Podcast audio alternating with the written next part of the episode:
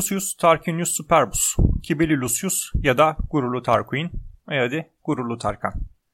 Türkçe Tarkan ile Latince Tarquinius arasındaki fonetik benzerlik konuşurken beni bu hataya düşürüyor zaman zaman. Bu dil sürçmesinde bence çok da sorun yok. Fakat bu benzerlikten hareketle deli saçması teorilerle Etrüsklerin Türk olduğunu iddia eden bir grup var. Bu arada parantez Etrüsklerin Türk olduğu tartışılabilir. Bunda problem yok. Bunu ileri süren mantıklı makul insanlar da var. Fakat bu grup bu kadarla da kalmıyor. O yüzden dikkatimizi çekiyor. İddialarını bilimsel spekülasyondan saçmalığa taşımak için ellerinden geleni artlarına koymayıp Tarquin'in başına gelenlerle çeşitli Orta Asya şaman hikayeler arasında zorlama paralellikler kurup tahttan indirilmesini de İtalya'nın güneyi Magna Graecia'da bulunan Yunan şehirlerinin sözüm ona komplolarına bağlayıp olayı Türk-Yunan düşmanlığının ilk örneklerinden olarak niteliyorlar. ABD kongresini basan QAnonculardan beterler. Ne diyeyim o tarihte Türklerin ataları sayabileceğimiz insanlarla Yunanların vatanları arasında 5000 kilometre var. En az. İki halk birbirinden haberdar dahi değil. Roma şehri güneydeki büyük Yunan kentleri için öyle pek de ciddiye alınabilecek bir noktada değil henüz. Fakat tamam bir şey demeye gerek yok. Buna inanan insanlara ne desem boş zaten. Haydi başlayalım. Tarquinius Roma şehrinin 7 kralından sonuncusu ve bu kralların içinde kötü olan tek kral. Milattan önce 753'te başlayıp milattan önce 509'da biten 244 yıllık sürede 7 kraldan bahsediliyor. Her kralın hüküm süresi için ortalama 35 yıldan geliyor bu.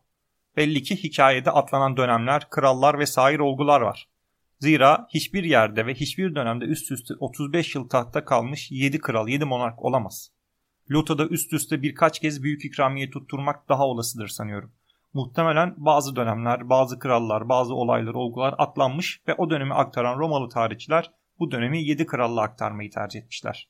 O dönemin kayıtları da sıkıntılı zira M.Ö. 390'lı yıllarda Roma'nın Galyalılar tarafından yağmalanması ki yağmanın yılı bile net değil 390'lı yıllar diyoruz. 394'ten 386'ya kadar bir e, perde var. O aralıkta bir dönemde oldu. Bu yağma sırasında şehrin yazılı kayıtlarının yok olması bizi o dönemi anlatan sonraki yüzyıl Roma tarihçilerinin anlatımları ile kısıtlıyor. Ki kendileri de yazılı kaynak yokluğundan kısıtlı imkanlarla yazmak zorundaydılar. Elimizde 7 kral var. Biz bunu doğru kabul edip buna göre anlattık ilk bölümleri. Bu bölümde de buna devam edeceğiz. Lucius Tarquinius Superbus dediğim gibi son kral, bir önceki kralın hem üvey kardeşi hem damadı. Ondan önceki kralın da oğlu. Kendisi 5. kral yani babası Lucius Tarquinius Priscus tahttan indiğinde kral olmayı bekliyordu. Fakat geçtiğimiz bölümde anlattığımız olaylar nedeniyle üvey kardeşi Servius Tullius kral oldu. Servius Tullius'un kral olması Lucius Tarquinius Superbus'un hiç hoşuna gitmemişti. Servius Tullius da bu durumun farkındaydı ve bu nedenle her iki kızını Lucius Tarquinius Superbus ve onun diğer kardeşiyle evlendirerek sorunu çözmek istedi kızlardan diğer kardeş ile evlenen iktidar hırsına sahipti ve bu hırs onu Lucius Tarquinius Superbus ile bir araya getirdi. Hırslı ikili Servis Tullius aleyhine propaganda çalışmalarına başladılar. Gerek Servis Tullius'un Senotes tarafından seçilmemiş olması nedeniyle gaspçı olduğu, gerek köle kökenli olması ve gerekse de Sensus ile zenginlerin mallarını tespit edip el koymak istediği yönünde propaganda yapıyorlardı. Geçtiğimiz bölümde bahsettiğim üzere Servis Tullius reformist bir kraldı şehrin birçok kurumunu yeniden dizayn etmiş, ayrıca yeni kurumlar da ihdas etmişti. Reformlar genellikle nüfusun bir kısmı için korkutucudur. Superbus da bu durumu değerlendirmiş ve propagandası ile taraftar toplamıştı. Servius Tullius şehir dışındayken Lucius Tarquinius Superbus saraya gidip tahta oturdu. Ardından senatör destekçilerinin yardımı ile senatoyu toplayıp senatoda herkesin önünde eğilmesini ve kendisini Rex yani kral olarak selamlamasını sağladı. Bir süre sonra Tullius şehre dönünce her iki tarafın destekçileri arasında bir arbede başladı. Bu arbede de Tullius kafasına aldığı bir darbeyle ölünce Lucius Tarquinius Superbus'un da krallık iddiası gerçeğe dönüşmüş oldu.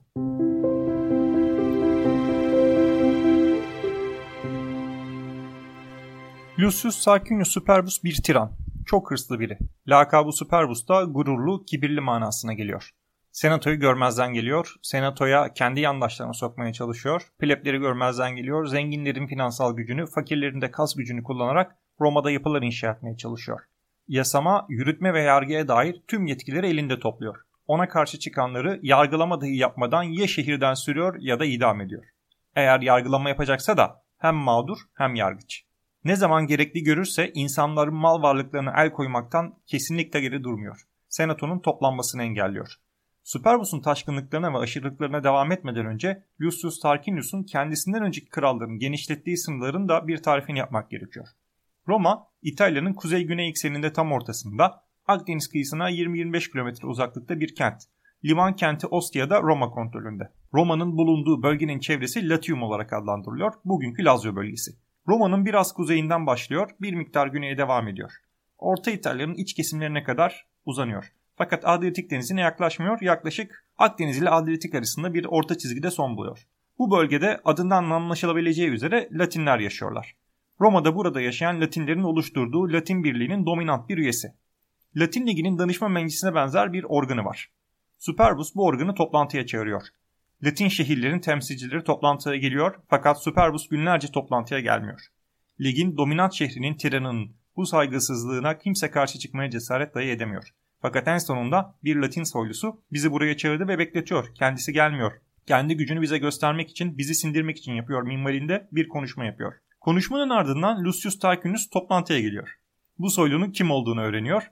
Bu kişinin kölesine ulaşıyorlar ve köleyi rüşvetle satın alıyorlar. Bu soylunun kaldığı odaya silah yerleştirip ardından da düzmeci bir operasyonla bu kişinin odasındaki silahı buluyorlar. Lucius Tarquinius'u eleştiren soylunun odasında bir silah. Devamı belli. Lucius Tarquinius bu Latin soylusunu infaz ediyor. Diğer Latin temsilciler bunun bir komplo olup olmadığını biliyorlar mıydı? Bu konuda bir bilgimiz yok. Fakat her durumda Latin temsilciler sindirilmişti. Bu şekilde Lucius Tarquinius Romalıların ardından tüm Latinler üzerindeki gücünü de konsolide etmiş oldu. Takdir edersiniz ki Lucius Tarquinius pek popüler biri değil. İnsanların emeğine, sermayesine popüler tabirle çöküyordu ve kimse bir şey diyemiyordu. Bir sonraki adım ise oğlu Tarquinius Sextus attı. Artık bu arkadaş ismiyle mi müsemma bilmiyorum. Cinselliğe dair bir miktar düşkünlüğü vardı. Kahraman olduğu hikayenin birden çok versiyonu var. Ben bir tanesini anlatacağım. Hepsi aynı fikri veriyor zaten. Sextus bir akşam Collatinus isimli bir Roma soylusunun evinde akşam yemeğine davetliydi. Sextus o akşam gördüğü soylunun eşi Lucretia'yı çok beğendi ve onunla birlikte olmaya karar verdi. Kısa bir zaman sonra Collatinus ordu ile birlikte Ardea şehrinin kuşatmasına katılmıştı. Sextus da bu durumu fırsat bilerek evine giderek Lucretia'ya tecavüz etti. Bu saldırı bir haberci vasıtası ile Collatinus'a ulaştı. Collatinus yanında arkadaşı Lucius Junius Brutus ile birlikte derhal Roma'ya döndü. Lucretia olanları anlattı ve intihar etti. Buna şahit olan 3 kişi tecavüzden ve intihardan Lucius Tarquinius Superbus sorunu tuttular ve bunu onun yanında bırakmamaya yemin ederek derhal kuşatmanın devam ettiği Ardea'ya döndüler. Olaya şahit olan her üç kişi de orduda karşılığı olan önde gelen Romalılardı. Collatinus orduyu etkileyen bir konuşma yaptı. Hem karısının başına gelenleri anlattı hem de Lucius Tarquinius Superbus'un krallığı boyunca yaptığı haksızlıkları hatırlattı. Ordu kralı devirmek üzere şehre dönüşe geçti. Bu durumu haber alan Lucius Tarquinius Superbus durumu kontrol altına almak için Arda'ya doğru yola çıktı. Ancak o yoldayken ordu çoktan şehre girmiş, halk da orduya katılmıştı. Roma'nın son kralı bir anda kendisini sürgünde bulmuştu. Lucius Tarquinius Superbus Etrüsk kökenli bir kraldı. Roma'dan sürüldükten sonra Etrüsk şehirlerine sığındı ve Cumhuriyet fikrinin tehlikelerinden bahsedip kendisinden sonra ilan edilen Roma Cumhuriyeti'ne karşı seferler kışkırttı. Veii o dönemde Roma'nın en büyük rakibiydi. İki şehir arasında çok ufak bir mesafe vardı. İki şehirde zaten aynı bölgenin egemenliği için rekabet halindeyken Veillere göre meşru Roma kralının talebi bir savaş nedeni oluyordu. Tabii işin bir de ideolojik riski de var. Cumhuriyet fikrinin muhtemelen kendi şehirlerine doğru yayılmasından korkuyorlar. Aynı dönemde Atina'da da Cumhuriyet ilan edildiğini ve bu fikirlerin Atinalı elçiler vasıtasıyla da İtalya'ya ulaşmış olduğunu ayrıca belirteyim. Vei Roma'ya saldırdı en nihayetinde fakat yenildi. Tarquinius babasının doğduğu şehir olan Tarquini'yi de kışkırttı fakat Tarquini şehrinin saldırısı da başarısız oldu. Diğer savaş ise Clusium şehrinin kralı ünlü Lars Porsena'yı kışkırtarak neden olduğu savaş. Bu savaşa da kısaca değineyim. Bu savaşla alakalı iki anlatı var. Romalıların anlatısı şu şekilde. Romalılar karşılarındaki ordunun büyüklüğü karşısında dehşete düşerek düzensiz bir geri çekilmeye başlıyorlar. Bu geri çekilme sırasında Pons Sublicius köprüsünden geçiyorlar. Bir Roma subayı Publius Horatius Cocles ordu geri çekildikten sonra köprünün yıkılması için zaman kazanmak adına savaş naraları atıp dans etmeye başlıyor köprünün düşman tarafında. Clusium ordusu duraksayıp ne olduğunu anlamaya çalışırken Roma ordusu köprüyü yıkıyor.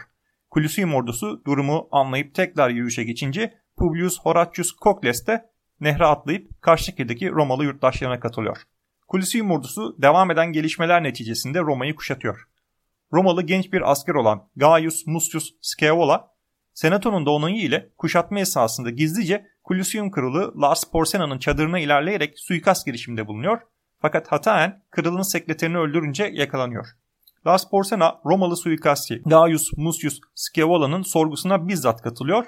Suikastçı sorguda biz senin şehrinde savaşmıyoruz. Seninle savaşıyoruz. Bizi yenebilirsin fakat eninde sonunda bizden biri seni öldürecek diyor. Kral Romalı'yı yakılarak ölüme mahkum ediyor. Gaius Mucius ölüme giderken elini de ateşin içine sokup ben bugün öleceğim fakat yarın başkası, sonraki gün bir başkası gelecek ve en nihayetinde bu kuşatmadan sağ çıkamayacaksın diyor. Kral karşısındaki insanın ve dolayısıyla Romalıların fanatikliği karşısında cesaretini yitirerek kuşatmayı kaldırıp kendi şehrine dönüyor. Bu Roma anlatısıydı. Gerçek ise yüksek ihtimalle ya Colosseum'un Roma'yı işgal edip tahta Tarquinius'u çıkarmak yerine kendisine bağlı bir kukla hükümet kurdurmuş olması ve bir süre sonra Roma'nın tekrar bağımsızlığına kavuşması ya da Roma'nın bağımsızlığını muhafaza edebildiği fakat Roma aleyhine bir barış anlaşması yapılmış olmasıdır.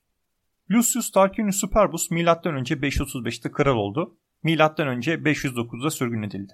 Öldüğü M.Ö. 495 yılına kadar tahtı geri almaya çalıştı.